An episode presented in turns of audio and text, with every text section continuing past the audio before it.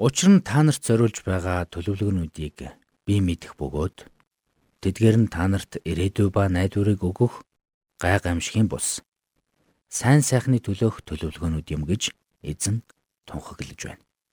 Ирмия 29:11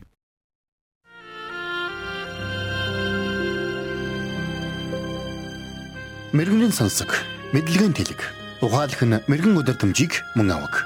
Доктор Харалт цаалогийн мэрэгэн зөвлөмж нэвтрүүлэг.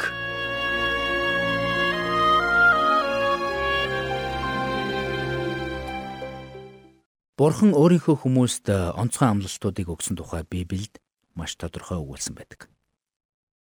Тэд хизээ хаан амьдарч байхаас үл шалтгаалаад Бурханаас гайхамшигтай амлалтуудыг хүлээн авдаг байсан. Ахынхаа үгийг хулгайлж аваад амиа аврахын тулд зүгтж явсан Яаков тандан Бурхан харагтун би чамтай хамт байж хаанч явсан чамайг хамгаалan чамайг дагуулж энэ нутагт буцааж авчирна би чамд амласнаа биелүүлэх хүртэл чамайг орхихгүй хэмээн Эхлэл 28:15-т альцсан байдаг. Цөлөөр 40 гаруй жил тэнүүжлэн амьдарсаар эрээвэр хураавар ард түмнийг өдөрдөн дагуулах үүргийг хүлээн авсан. Йошуад хандан бурхан би Мосетэй хамт байсан шиг чамтай хамт байх болно гэдгээ тэдэнд мэдүүлэхийн тулд өнөөдөр би чамайг бүх Израиль дахны нүдэн дээр өргөмжилж эхлэх болно хэмээн амласан байдаг.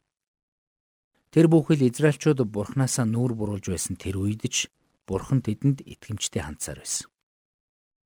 Бурхан итгэмжгүй Израильчуудад хандан иш үзүүлэгч Ирмиягаар дамжуулан 6 удаа амлалтаа сануулan хэлсэн байдаг.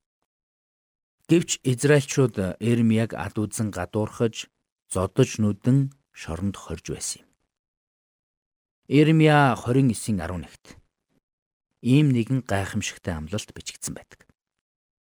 Учир нь та нарт зориулж байгаа төлөвлөгөөнүүдийг би мэдэх бөгөөд тэдгээр нь та нарт ирээдүй ба найдварыг өгөх гай гамшигын бус сайн сайхны төлөөх төлөвлөгөөнүүд юм гэж эзэн тунхаглаж байна гэсэн байна. Гэсэн ч бурхны энэ бүх амлалтуудыг хүлээн авсан хүмүүсийн амьдрал амар хялбар дардан байгаагүй юм. Яков хадам эцэгтэй залилуулж ахийнхаа гарт амиа алдах төгсөн бол Иремья өөрийн ард түмэн дундаа гадуурхагдан амьдарч харин Иерусалимд Небухадназар хааны элдэнд орс өхөрч Израильчууд гавлуулан гинжлүүлж Вавилон руу цөлөгдсөн билээ.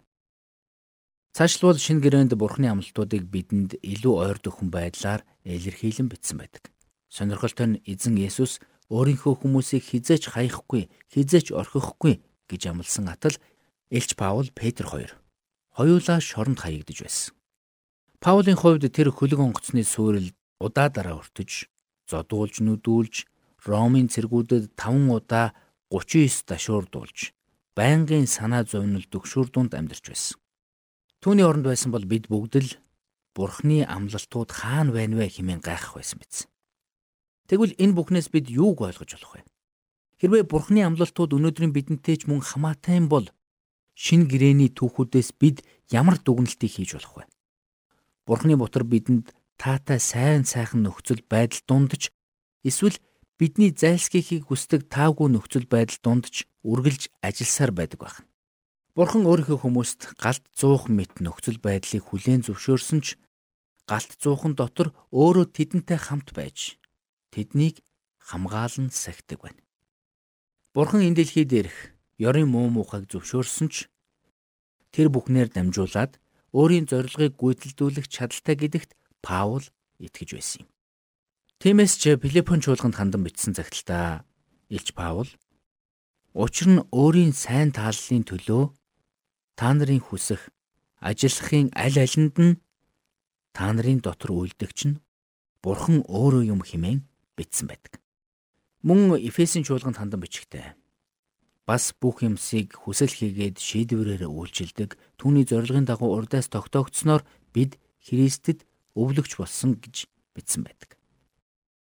Мэдээж бурхан биднийг зовлон шаналл, саад бэрхшээл дунд гараа хүмхээд суугаасаа гэж хүсдэггүй. Гэхдээ нөгөөтөөгөр бид тэр бүхний үр дагаврыг дэсэж дэвчих ёстой болдог гэдгийг ч ойлгох хэрэгтэй. Үнэн дээр энэ дэлхий дээрх ёрын муу бүхэн өөрийн хүүхдүүдэд өгсөн бурхны амлалтуудыг үгүйсгэж чадахгүй. Цаг нь ирэхэд Бурхан бүхнийг шударгаар шүүх болно.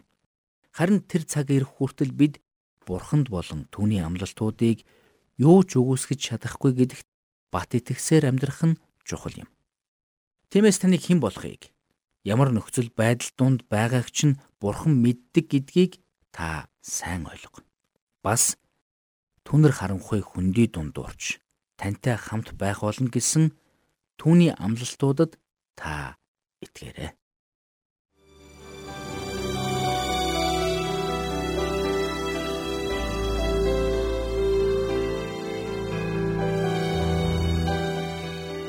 Мэргэн нэгнийг дагвал мэргэн, мулгуутай нөхөрлөл хорлол.